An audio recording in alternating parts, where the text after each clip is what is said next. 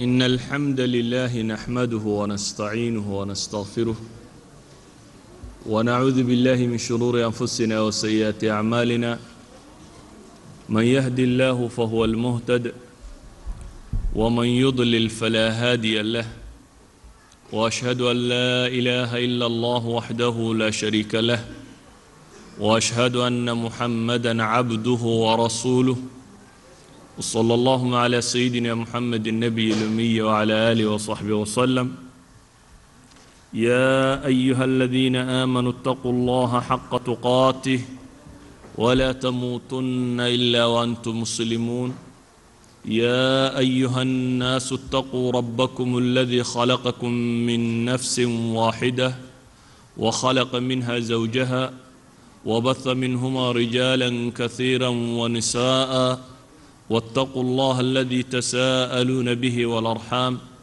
إن الله كان عليكم رقيبا يا أيها الذين آمنوا اتقوا الله وقولوا قولا سديدا يصلح لكم أعمالكم ويغفر لكم ذنوبكم ومن يطع الله ورسوله فقد فاز فوزا عظيما أما بعد فإن أصدق الحديث كتاب الله وخير الهدي هدي محمد صلى الله عليه وآله وسلم وشر الأمور محدثاتها وكل محدثة بدعة وكل بدعة ضلالة وكل ضلالة في النار إخوتي في العقيدة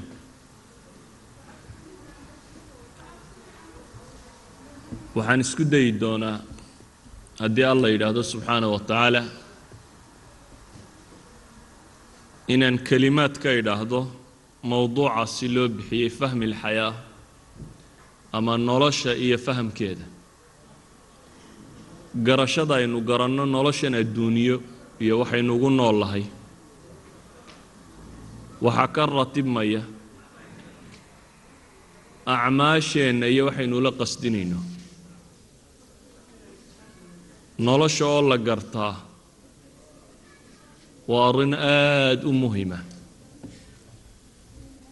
waxaan isku dayi doonaa inaan in badan idinku akhriyo nusuus badan oo min kitaab illahi wa sunnati rasuulihi sala allahu alayh waalihi wasalam ah oo aan aada u jeclahay iyaga ururintoodo keliya haddii laydin maqashiiyo. Inaa mowduuca waxaan uga gun leeyaa fahmi doontaan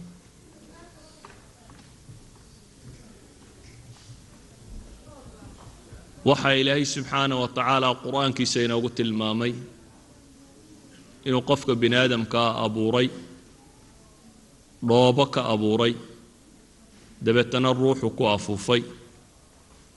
Ilaahay subxaana wa tacaala inuu u doortay qofka bini aadamkii inuu noqdo khaliifat ullaahi fi lard ama inii jaacilun fi lardi khaliifa. Waxaa kaloo qur'aanku uu inoo tilmaamayaa intaa dabadeed taariikhda qeybkii qur'aanku uu ka waramo mid ka midi waxay tilmaamaysaa in noolaha waxdo ama kownka baan idhaahdo doorasho la dooransiiyey dabeetana bini aadamku uu doortay. Qur'aanka ilaahay wuxuu ku tilmaamaya ina acradna alamaanata cala alsamaawaati waalard والجبال فأبين أن يحملنها وأشفقن منها وحملها الإنسان إنه كان ظلوما جهولا waxaa ilaahay subxaana wa tacaala inoo tilmaamaya in loo soo bandhigay ammaana shay uu qur-aanku ku tilmaamayo cirka iyo dhulka iyo buuraleyda iyo waxoo dhan dabeetana ay diideen iyagoo naftooda ka dhowraya oo ka cabsanaya inay qaadi kari waayaan fa abayn ayaa ilaahay yidhi subxaana wa tacaala dabeetana insaanku uu xambaaray ama se uu aqbalay diidista lagu tilmaamay iyagu inay diideen lama mid aha tii ibliis oo kale ee fa abaadii ilaahay ibliisuu ku tilmaamaya lama nooc aha waayo ibliis amar baa isaga la siiyey laakiin qoladan qadiyadooda waxay ahayd cardin. Inaa caradna lamaana baa ilahay yidhi subxaana wa tacaala. Waa loo soo carday waa loo soo bandhigay. Iyaga ikhtiyaarka la siiyey inay doortaan qadiyadda.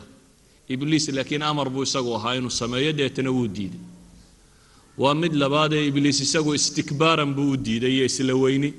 Laakiin iyaga ilaahay wuxuu leeyahy faashfaqna minha. Iyagu istisqaaran bay u diideen. Iyagoo isdhul dhigaya oo u arkaya inaanay qaadi karaynin insaankuse wuu qaaday. Shaygaasi ammaanadae insaanku uu qaaday. Waan odhan karno waa waxyaabaha dhaxal siiyey inuu noolaha kale ka gadisnaadaa maxay tahy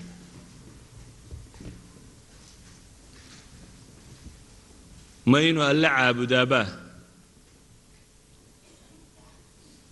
oo cibaadada makhluuqaadka kale miyay diideen sawka ilaahay subxaanah wa tacaala qur-aankiisa ku tilmaamaya ثuma اstawى ilى الsmاء wahiya dukhan faqaala laha wlilardi itiyaa طawcan aw karha qaalata atayna طaa'iciin iyagoo muطiiciin oo caabidiin lilahi subxaanah wa tacaala u ah sawka ilaahay subxaanah wa tacaala qur-aanka ku tilmaamaya in alam tara ana allaha yasjudu lahu man fi الsamaawaati wman fi اlأrض wالshamsu wاlqamr wالnujuum wاljibaalu wالshajaru wاddawaabu wakaiiru min الnaas kuwaasoo dhamme allay caabudayaan tusabixu lahu samaawaatu sabc waalardu waman fiihina wain min shayin laa yusabixu bixamdihi walakin laa tafqahuuna tasbiixahum idan kownka oo dhamme ilaahay buu caabudaya subxaanah wa tacaala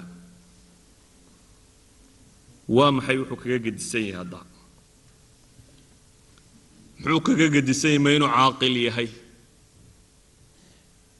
Sawka qur'aanku tilmaamaya maaha noolo kaleoo dunida ku nooloo caqli leh inay jiraan. Bale qisatu sulaymaan sawka qur'aanku inoo tilmaamaya maaha in shimbir uu ka soo warramayay malikatu saba iyo qadaayaadkeedii oo dhan iyo ilaahay khayrkii inay caabudanayo waxaasoo dhan.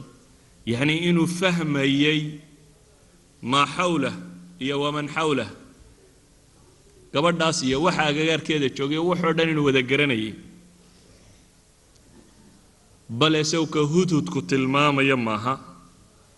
Yacni miyaanay ahayn xaqiiqa uu inuu fahmayay kownkan iyo waxyaabaha ka socda iyo dadkani waxay samaynayeen waxaasoo dhamme maxaa haddaa insaanku uu ku soocan yahay? Ma inuu siday kuwan gaaladu yidhahdaan xayawaan ijtimaaciya yahayba may xayawaanada ijtimaaciga caalamka way ku badan yihiin waxaynu leenahay insaanku wuxuu ku soocan yahay inuu doortay ammaana. Ammaanadaasina waa shayga insaanka dhaxal siinaysa inuu khilaafada loogu talagalay u fuliyo. Waxaynu odhan karnaa insaanku wuxuu soo maray laxdo doorasho oo ilaahay subxaanah wa tacaala uu doorasho geliyey. Waxaa loo soo bandhigay baynu odhan karnaa noolaha in ay nimco ku waaraan haddii ay aqbalaan oo ay la yimaadaan nimcadaasi shuruud ay ku xidhantay oo ah inay imtixaan galaan ama musaabaqa inay galaan oo cidda ku guulaysataa ay hantiyayso markaasi almulki alkhaalid nolosha adduunku markaasi si aynu u fahamno waxaynu odhan karnaa. Waxay tahay waa daar alibtilaa ama waa daar alimtixaan ama waa meel qofka bini aadamkaa loogu talagalay in lagu itixaamo. Oo loogu itixaamayo imaa inuu guulaysto oo uu janno abadiya galo inuu guuldarraysto oo uu naar abadiya galo. Laakiin bishard inuu janno abadiya galaa inay ku xidhan tahay imtixaanka loo qariray inuu galo oo ku guulaysto. Ammaanadaasi aad takaaliiftaasi inuu xambaaro ayuu aqbalay bini aadamku oo hadduu ku guulaystana inuu janno galo hadduu ku khasaarana inuu markaasi naar gelayo waxaynu leenahay waxaa alle subxaanah wa tacaala markaa bini aadamka siiyey. Imkaaniya ficli alkhayri washar ama inuu shar iyo khayrba samayn karo. Waxaynu leenahay sida ay cadaabtu u tahay ansab daarin litacdiib oo ay jannadu u tahay ansab daar meesha ugu fiicanee la ysugu nimceeyo ayay dunida iyo qaab dhismeedkeedu wuxuu yahay sida u fiican ee laysu itixaamo dunida iyo qaab dhismeedkeedu waa sida ugu fiican ee laysu itixaamo ilaahay subxaana wa tacaala waxaanu ku tilmaamaya alxayaati dunya bisamaawaatiha wa ardiha. Cilalka ka dambeeya inuu ka mid yahay in basharka lagu itixaamo waa ka alle qur'aanku leh subxaana wa tacaala wa huwa aladii khalaqa asamaawaati waalarda fi sittati ayaam wa kaana carshuhu cala almaa liyabluwakum. Liyabluwakum ayukum axsanu camala alibtilaa aw alimtixaan. In laysku itixaamo ayay samadan iyo cirkan iyo dhulkan iyo waxan oo dhammi u dhisan yihiin waxaan leenahay waxaa cilaaqada insaanka iyo zamanka ka dhaxeeya ee geeri iyo nolol iyo tatawurkan tirada badan low uu bini aadamku marayo waa dhammaantii waxaa loogu talagalay aladii khalaqa almowta walxayaata liyabluwakum ayukum axsanu camala waxaan leenahay ilaahay subxaana wa tacaala insaanka wuxuu ka dhigay mid fahmaya kownkan uu ku noolyahay oo samiican basiiran buu ka dhigay inaa khalaqna alinsaana min nutfatin amshaajan nabtaliihi baa ilahay leeyay subxaana wa tacaala in la itixaamo daraaddeed bale waxaynu leenahay caalam lghayb iyo caalam shahaada baa ilaahay nolosha u qaybiyey wax la arki karo iyo wax qayb oo maqan waxa sida looga dhigay in bini aadamka la itixaamo hadday wax waliba mushaahada wax walba indhaha dadku uu saari lahaa imtixaanku uu iska yaraan kari lahaa. Walidalik ba maala xadiidka bukhaari haddaynu u fiirsanay kitaab uljanaa'iska uu ku soo arooriyay imaam albukhaari wuxuu nebigu tilmaamayay calayhi salaatu wasalaam qofka bini aadamka marka xabaasha lagu rido ee dadku ay ka jeestaan inuu maqlo yacni sanqadha kabahooda inuu dib u maqlo oo dabeetana laba malak ay u yimaadaan oo ay weydiiyaan nebiga calayhi salaatu wasalaam iyo diintiisa wuxuu ka odhanayay oo hadduu mu'min yahayna waa shahaato ilaah iyo rasuulkiisaba u qiro. Haddii uu de munaafiq ah ama kuwaasi gaalada ahaan laana uu odhanayo waxba ma garanayo. Oo ay ku odhan doonaan waxna ha garanin. Dabeetana inay garaaci doonaan. Xadiidka maxalu shaahidka aynuga soconnaa wuxuu yihi waxaa lagu garaaci doonaa buu xadiidku tilmaamayaa bimataariqin min xadiid. Dabeetana dhawaaqa ka baxa waxa maqli doona man yaliihi hayr thaqalayn ayaa maqli doona. Wax allaale iyo waxa u dhow oo aan ahayn jinka iyo insiga. Waxaan kale xaqaa'iqdaasi xabaasha ka dhacaysa waxay u maqlayaan iyagu imtixaan kuma jiraan. Laakiin bini aadamka waa laga qariyey si loogu itixaamo daraaddeed. Isagu kuma jiro isaga jinku kuma jiraan kuwa maqlaya. Waxaan leenahay ilaahay subxaana wa tacaala nolosha wuxuu u qaybiyey wuxuu qofka bini aadamkii ogaan karo iyo waxaanu ogaan karin. Qiyaamaha dhicistiisii baa ka mid a waa qofku goortuu dhimanaya ama geeriyoonaya ka mid a waxyaabahaasoo dhan waa la qariyey waxa loo qariyey in qofka lagu itixaamo. Caalam shahaada qofka ilaahay wuxuu uga dhigay adawaat lcilmi buu siiyey. Samiican basiiran baa laga dhigay. Saaxibu fu'aad baa laga yeelay. Kuwaasoo dhan waxa loo siiyey bayn leenahay in la itixaamo noloshu qaabka ay u dhisan tahay oo dhammi bayn leenahay waa qaab ku salaysan alibtilaa nolosha fahamkeeda xaqiiqiga ahi wuxuu yahay inuu qofku garto xayaatada adduunyo inuu u joogo in la itixaamayo inaad ku raaxaysanayso iyo inaad ku barwaaqaysato iyo maaha. Nolosha adduunyo waxaa loo joogaa ee loogu nool yahay inaad tahay qof imtixaan ku jira. Imtixaankaasi natiijadiisuna maalinta qiyaame inaad la kulmayso. Oo aad ka mid noqon doonto markaasi kuwa janno loo dareeriyo ama aad ka mid noqon doonto kuwa cadaab loo dareeriyo. Si imtixaanka bini aadamka loogu dhammaystiro ayaa ilaahay subxaana wa tacaala bini aadamka wuxuu ku abuuray jawaanib caatifiya jawaanib shahwaaniya waxaa lagu abuuray qofka bini aadamkii xoolo jacayl boqortooyo jacayl sultaannimo jacayl waxyaabahaasoo dhan. Waxaa bini aadamka lagu dhex nooleeyey nolol loo sakhiray oo loo fudaydiyey qofka bini aadamka waxaa alle subxaana wa tacaala uu noloshiisa ka yeelay qof dareemi kara dhibta gaajada xanuunka murugada baqaha tiraanyada werwerka waxaasoo dhan inuu dareemo. Waxa kaloo nolosha laga yeelay waxaasoo dhan wax ku sababi kara. Inuu boqo tiiraanyoodo werwero murugoodo waxaasoo dhan wixii sababi lahaana. Isaga waxaa laga dhigay inuu qaabil qaabiliya inuu leeyahy waxaasi inuu dareemo kownka dhammaantiina waxaa laga buuxiyey waxyaabahaasi wixii qofka ku sababi lahaa inuu dareemo waxaa ilaahay subxaana wa tacala uu nafta bini aadamkaa ku tilmaamaya zuyina linnaasi xubu shahwaati min annisaa والبنين والقناطير المقنطرة من الذهب والفضة والخيل المسومة والأنعام والحرث ذلك متاع الحياة الدنيا waxaa ilaahay tilmaamayaa nolosha gebigeeduba xataa carruurta la dhalaya wuxoo dhamina imtixaanya waaclamuu annama amwaalukum waawlaadukum fitna.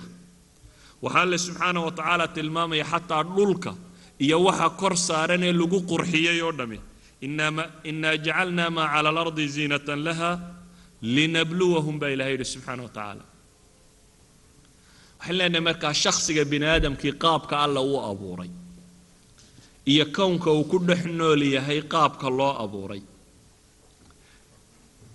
iyo xidhiidhka ka dhexeeya qofka bini aadamkaa iyo nolosha dhammaanteed.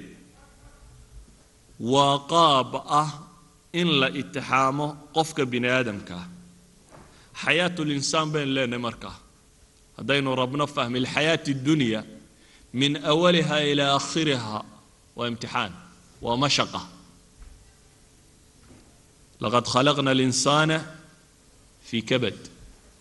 yaa ayuha اlinsaanu inaka kaadixun ilaa rabbika kadaxan famulaaqii laa budda min kabad walaa budda min kadax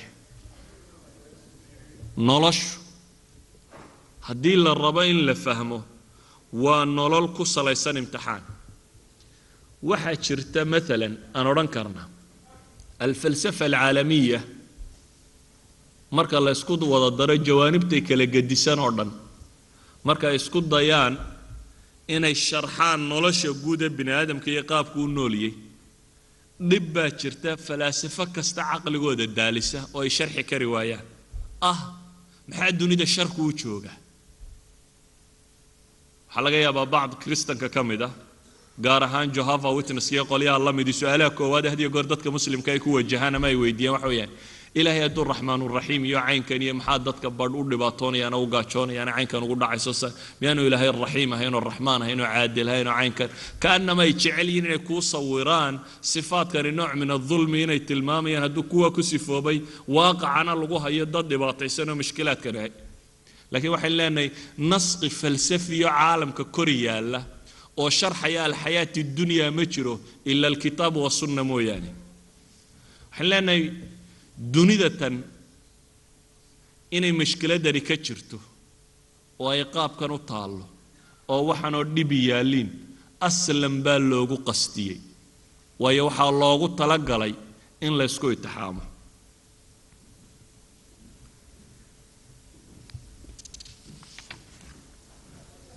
Waxaa alla tilmaamaya subxaanahu wa tacaala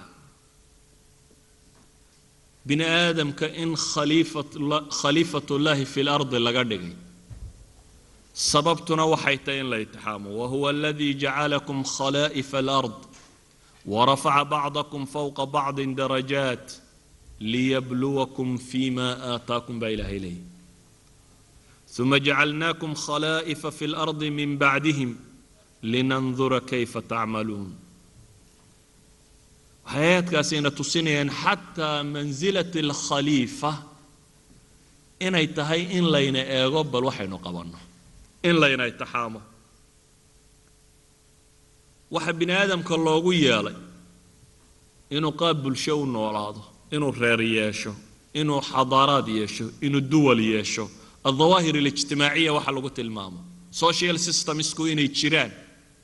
Waxa loogu yeelay in la itixaamo wakadalika fatannaa bacdakum bibacd liyaquluu ahaa'ulaa'i mana allahu calayhim min baynina alaysa allahu biaclama bishaakiriin waxaan leenahay ilaahay subxaana wa tacaala wuxuu bini aadamka uga yeelay kuwo ku kala gedisan arsaaqda cilmiga caqliga xoogga caafimaadka quruxda deeqa wax kasta kuwo ku kala gedisan si loo itixaamo waxaan leenahay xataa xidhiidhka ambiyada iyo bini aadamka ka dhexeeya wuxuu yahay in la isku itixaamo rusush. Wamaa arsalnaa qablaka min almursaliin ilaa inahum layaakuluuna طacaama wayamshuuna fi laswaaq wajacalnaa bacdakum libacdin fitnah atasbiruun baa ilahay leeyahy subxaana wa tacaala waa ka aayadda kale ilahay leey naxnu qasamnaa baynahum maciishatahum fi lxayaati اddunya ورفعنا بعضهم فوق بعض درجات ليتخذ بعضهم بعضا سخريا مجتمع waxa loo kala tagsiye loo kala tafaraaruqiyey in la isku itixaamo waxa badh qani looga dhigay ee badh foqoro looga dhigay ee badh loo curyaamiyey badh dhibtu u haysata in la isku itixaamo waxaynu leenahay bal eh ilaahay subxaana wa tacaala bini aadamka mid quru ka dhigi kari lahaa waxa midabada loogu kala yeelay ee qabaa'ilka looga kala dhigay ee shucuubta looga kala dhigay inay imtixaankan galaan. Walow shaaa allahu lajacalakum ummatan waaxida walaakin liyabluwakum baa ilaha yidhi. Walaakin liyabluwakum fima aataakum alla wuu awoodi karayay subxaana wa tacaala inuu umma waaxida idinka dhigo fi kulli lashyaa laakiin laydinkama dhigina waxaa laydinka dhigay mujtamacaat mukhtalaf kala oo kala gedisan oo kala fog sababtuna waxay tahay in la ysku itixaamo.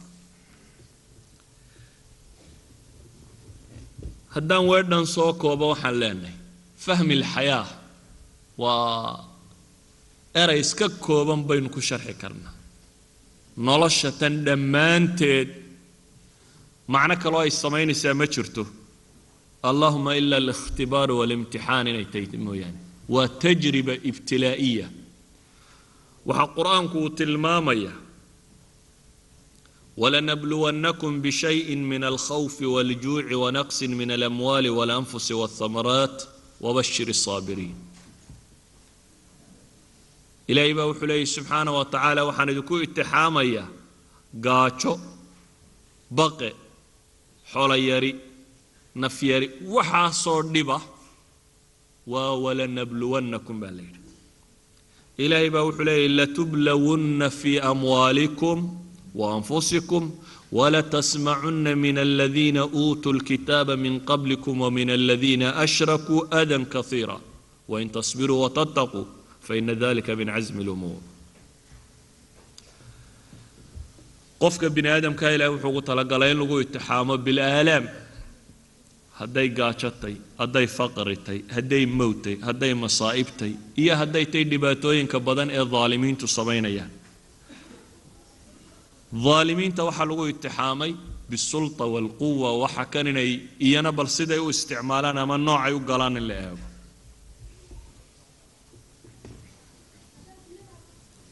Waxayn leenahay marka iimaanku waa wejiga xaqiiqiga ah ee la rabo in looga jawaabo imtixaankaasi oo ah hadduu dhib iyo mashkilad yahayna in lana sabro sidii looga bixi lahaana ilaahay loo tala saarto loo camal galo hadduu waxaa lagu itixaamay nimco iyo sultaan iyo jaah iyo qurux iyo wax la noocayeyna waa nooc min alimtixaanaat. In ilaahay looga mahad celiyo subxaana wa tacaala oo loo mahadnaqo tajribadu hadday binicmatay imtixaanku hadduu binicmayey iyo hadduu biniqmayey waa sawa waa imtixaanuun daad sultaan iyo xoolo badan iyo nimco iyo waxaan haysataan waa nooc min alimtixaan. Haddii faqri iyo gaajo iyo ibtila iyo mushkilad iyo kani jiro waa nooc min alimtixaan.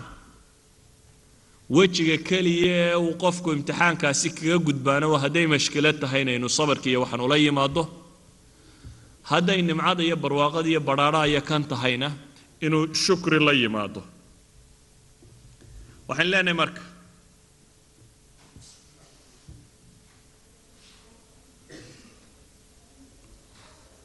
qofka saabirka ah cala alibtilaa'aati almu'lima ama shaakirka ku ah cala alibtilaa'aati almumatica qofka shukri naqaya iyo qofka sabraya labaduba ibtilaaga kani wuu ku sii bataa markay nimcada ama beladas ay ula yimaadaan wejigii xaqiiqigee la rabay inay uga jawaabaan sida daraaddeed waxaan odhan karnaa ibtilaa'aadku dadku way ka warwaraan waayo noloshaanay saani u fahmin. Dadka badh waxa warwar badani uu ka haystaa qof baa laga yaabaa in mashkilada qabsato ama waxyaaba badan markaas waxaa laga yaabaa inta badan faham qaldan inay dadku ku sharxaan. Laakiin waxaan leenahay waxaa dhici karta ibtilaagu inuu u yimaadaba lilrifca in qofka la kor yeelo daraaddeed si uu qofku u gaadho aqsa darajaati alkamaali albashari oo aanu si kale ku gaadhi karin ila alibtilaa' mooyaane. Walidalik ayaa xadiidka uu warinayo muscab ibnu sacad sacd ibnu abi waqaas wiilkiisu uu aabbihii ka warinayo ee imaamu tirmidi uu soo saaraya uu leeyahy waa xasanun saxiix albaanina saxiixadiisa uu ku tasxiixinayo wuxuu nebigu leeyahy calayhi الsalaatu wasalaam saxaabigan baa wuxuu ku yidhi nebi qultu yaa rasuula allah ayu nnaasi ashaddu balaa dadka yaa ugu bale badan yaa ugu dhib iyo mushkilad badan dadka ayaa nebiga la weydiiyey calayhi الsalaatu wasalaam nebigu wuxuu ku tilmaamay alambiyaa dadka waxaa ugu dhib iyo mushkilad badan alambiyaa xadiidku wuxuu leeyahy uma alamthal faalamthal wuxuu kaloo dadku u kala dhib badan yahay siday u kala fiicni badan yihiin ama alaagtii ugu kala dhow yihiin xadiidku wuxuu kaloo tilmaamayaa fayubtala alrajulu calaa xasabi diinih qofka in la itixaamo oo ibtilaagu ugu yimaado hadba diintiisu intay leegtay. Graafka iimaankiisu markuu kor u kacaba ibtilaa'aadkuna inay ku sii bataan. Markuu hoos u dhacana in ilaahay ka yareeyo. Fain kaana sulban hadduu adag yahay oo diintiisu ay xooggan tahay ishtadda balaa'uh wain kaana fii diinihi riqa ibtuliya calaa xasabi diinihi buu nebigu leeyay diintiisa haddii jileec ku jirana waxaa loo itixaamaa hadba inta ay diintiisu laagtay nabigu calayhi salaau wasalaam xadiikaasi wuxuu leeyahy famaa yabraxu albalaa'u bاlcabd xataa yatrukuhu yamshi maa calayhi khati'a imtixaanka iyo baladi iyo masaa'ibtu qofka kama suusho ee waa lagu wadaa buu nebigu leeyahy ilaa iyo qofku uu xad gaadho inuu dhulka kor socdo isagoo aan dembi saarayn idan waxaan leenahay balaagu wuxuu yimaadaa lirifca in la kor yeelo. Waxaynu odhan karnaa ibtilaag iyo imtixaanku waxay u kala badan yihiin siday dadka diintoodu u kala badan tahay welibaan si kale u tilmaamo waxaad taqaaniin ardaygu markuu dugsiga hoose ku jiro imtixaan khafiifa laga qaadaa kullamaa aqoontiisu ay sii korodhaba imtixaanaadka iyo qaabka loo sameeya way ka sii adkaadaan markuu heer jaamici gaadho qofku qaabka loo itixaamo wuu ka adkaadaa. Qofkii dee elementary ama dugsi dhexe ku jiray ama dugsi thaanawiya ku jiray. Idan darajaadkiisa cilmiga iyo aqoontiisu markay sii korodhaba imtixaanaadku gelaya way sii bataan. Fakadalika almu'min. Kulama irtaqa fi darajaati aliimaan. Sulami liimaanka markuu koru koraba waxaa sii bata imtixaanaadka la gelinayo. Si ay u sii badato darajaadka uu gaadhayo. Walidalik ayaa nebigu calayhi salaatu wasalaam xadiidkaasi imaamu tirmidi warinaya xasanun saxiixa uu ku tilmaamaya sheikhu lalbanina uu ku raacsan yahay. Wuxuu nebigu ku tilmaamayaa famaa yabraxu albalaa'u bilcabd xataa yatruku yamshi maa calayhi khati'a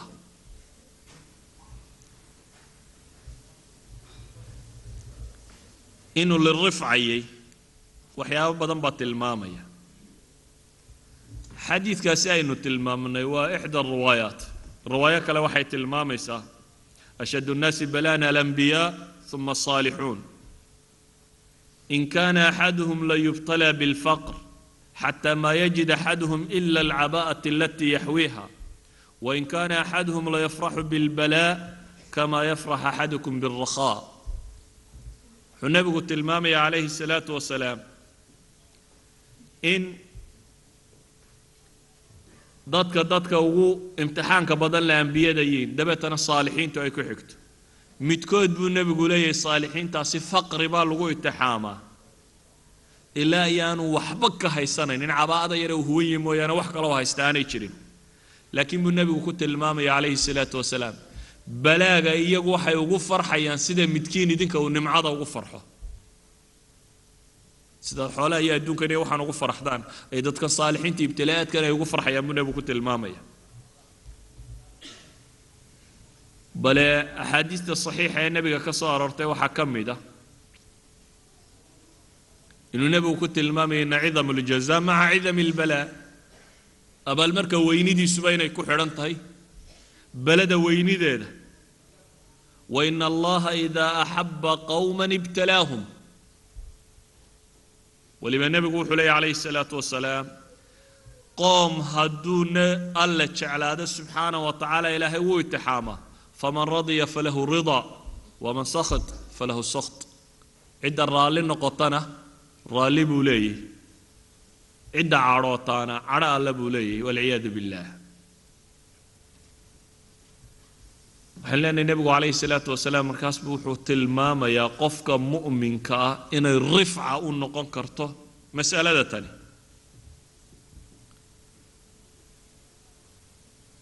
Waa ka nebigu calayhi salaatu wasalaam xadiidka termedi warinaya uu xasaninaya wuxuu leeyahy idaa araada allahu bicabdihi alkhayr cajala lahu alcuquuba fi اddunya haddii qofka alla uu khayr la doonayo.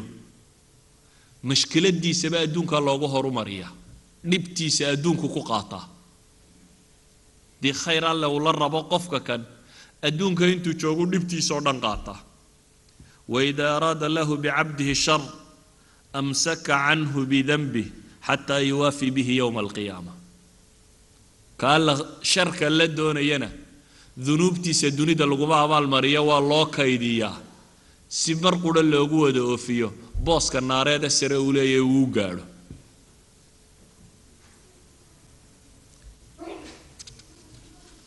Waxaan leenahay markaas ibtilaaga qofka mu'minka ah ku dhaca iyo ibtilaaga qofka gaalka ah ku dhaca ama labada mashkiladada kala qabsataa wejiyo kala gedisan bay leeyihiin kow ibtilaaga qofka mu'minkii wuxuu u yimaadaa lilrifca watathiir in kor loogu qaado ama in dunuubta lagaga daahir yeelo. Waxaa kaloo ibtilaagu dadka muuminiinta ugu dhacaa litamxiis. In iyaga sufuuftooda la kala sooco kooda fiican iyo kooda xun la kala ogaado. Ma kaana allahu liyadara almu'miniina calaa ma antum calayhi xataa yamiiza alkhabiisa min aطayib aayaadkaasi ilaahay subxaanah wa tacaala wuxuu ku tilmaamaya dadka mu'miniinta ah sidan ay yihiin inaan lagaga tegaynin. Ee la kala saari doono alkhabiisu waطayib laakiin ilaahay wuxuu leeyahy wamaa kaana allahu liyuطlicakum cala alghayb. Haybkana laydinma ogeysiinayo waana laydinkala saaraya. Maxaa lagu kala saaraya? Waa aayaadkii tacqiibka u ahaa uxud yacni ibtilaa'aadka iyo mushkilaadkaa ku kala baxaysaa markay mashkiladdu ummaddu ay gasho ayaa la ogaanayaa keeda munaafaqa ah iyo keeda iimaanku ka dhabka yahay. Keeda wax kale ku lifaaqnaayeen iyo keydii khayrkuun waday. Mushkiladdaa dadka lagu kala ogaada. Ama haddii layska wada nimcaysan in la wada socdo dadku ma kala garto. Lama kala garto. Idan haddii la rabo mujtamaca in tamxiis lagu sameeyo in la kala soco waa laabudda min ibtilaa'aat. Yani ilaahay subxaana wa tacaala wuxuu ku tilmaamayaa in dadka la itixaamo oo alla uu muujiyo maa fii suduurikum walayumaxisa maa fii quluubikum waxyaabaha laabtiinna ku jira iyo quluubtiinnu si ay u caddaadaan. Walayumaxis allahu aladiina aamanuu wayamxaq alkaafiriin. Axasiba annaasu an yutrakuu an yaquuluu aamanaa wahum laa yuftanuun. Aayaadkaasoo dhamme waxay sheegayaan koow waxaynu leenahay lilrifca haaniyan waxaynu leenahay litathiir haalitan waxaynu leenahay ibtilaaga qofka mu'minkaa ku dhaca waa litamxiisi sufuufihim. Si loo kala saaro sufuuftooda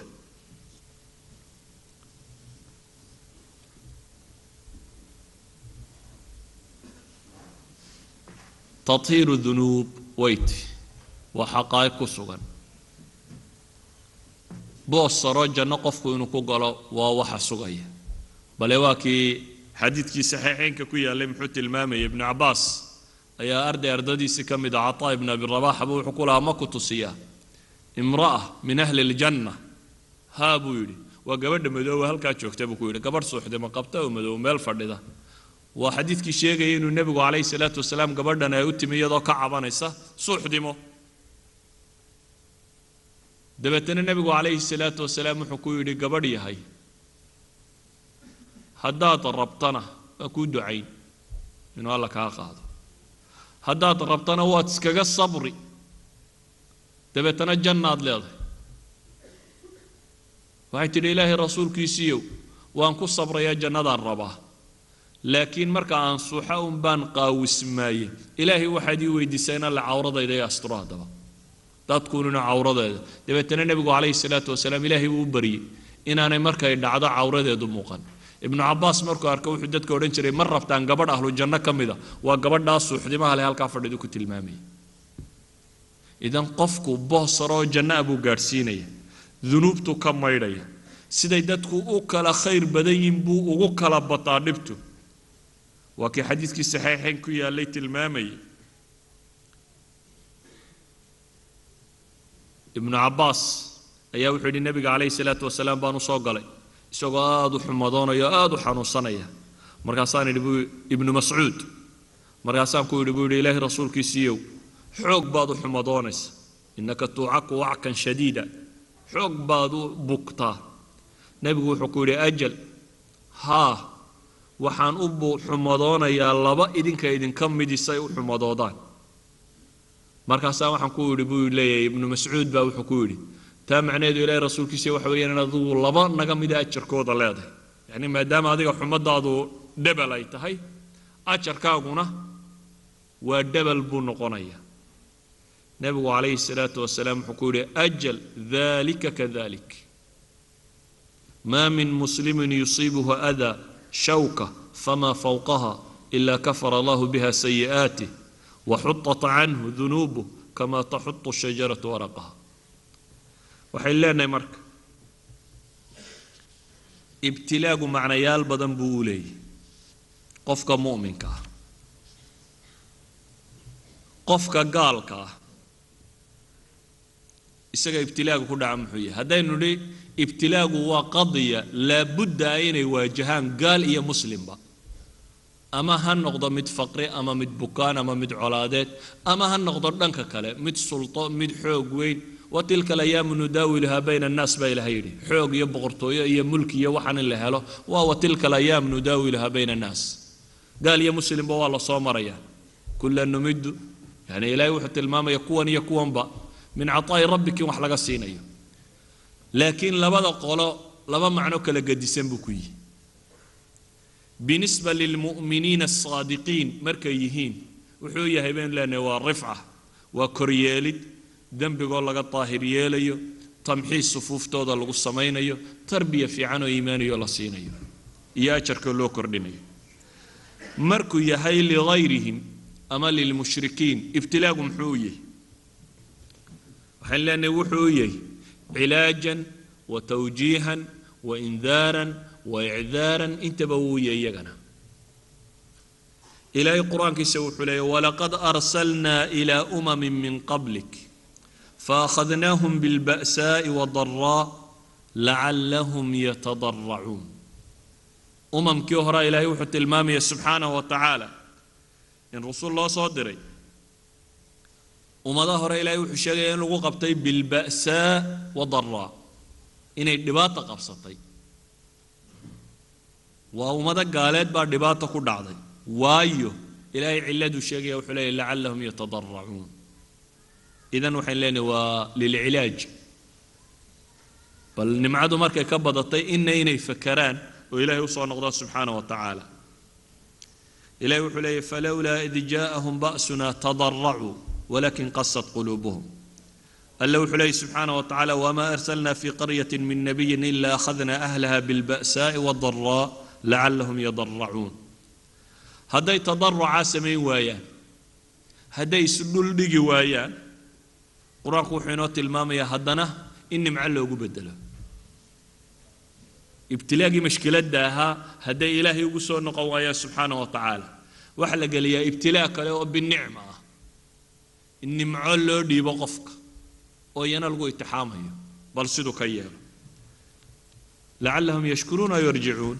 Ilahi wuxuu leeyay uma badalna makana sayi'ati alxasana xataa cafaw waqaaluu qad masa aabaa'ana aldaraaء wasaraa faakhadnaahum bagtatan wahum laa yashcuruun. Makaana sayi'a alxasana baa loogu bedela laakiin haddii kaasina uu markaasi ka suurtoobi weydo xaalatlisti'saal bay gaadhaan markaa isti'saal in alla uu ku sameeyo kuwan laayo. Ilahay waa kale falamaa nasuu maa dukiruu bih fataxnaa calayhim abwaaba kulli shay.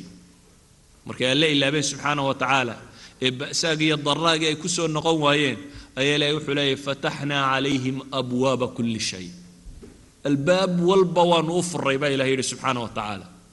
Laakiin hadday kaana aqbali waayaan oo ay kibir ka sii qaadaan xataa idaa farixuu bima uutuu akhadnaahum baktatan faidaa hum mublisuun baa ilahay yidhi subxaana wa tacaala. Waxaan leenahay marka nicmada iyo niqmada dhibta iyo dheefta aragtida qur'aanka waa isku macne labadubana waa imtixaan labadubana waa imtixaan la eegayo mowqifka aada istaagaysaa wuxuu noqonayo. Qofka bini aadamkaina noloshiisu markaasi waxay ka kooban tahay. Uun mawaaqiftuu istaagay markuu badhaadhaysnaa iyo mawaaqiftuu istaagay markii dhibtu haysatay oo laysugu geeyo ayuunbaa ah qofka iyo dhaqankiisii oo dhan ama noloshiisii oo dhan. Waxaynu leenahay marka nolosha dunidu. Haddaynu rabno inaynu si dhaba u fahamno dhammaanteed waxay ku salaysan tahay alibtilaa alxayaati dunya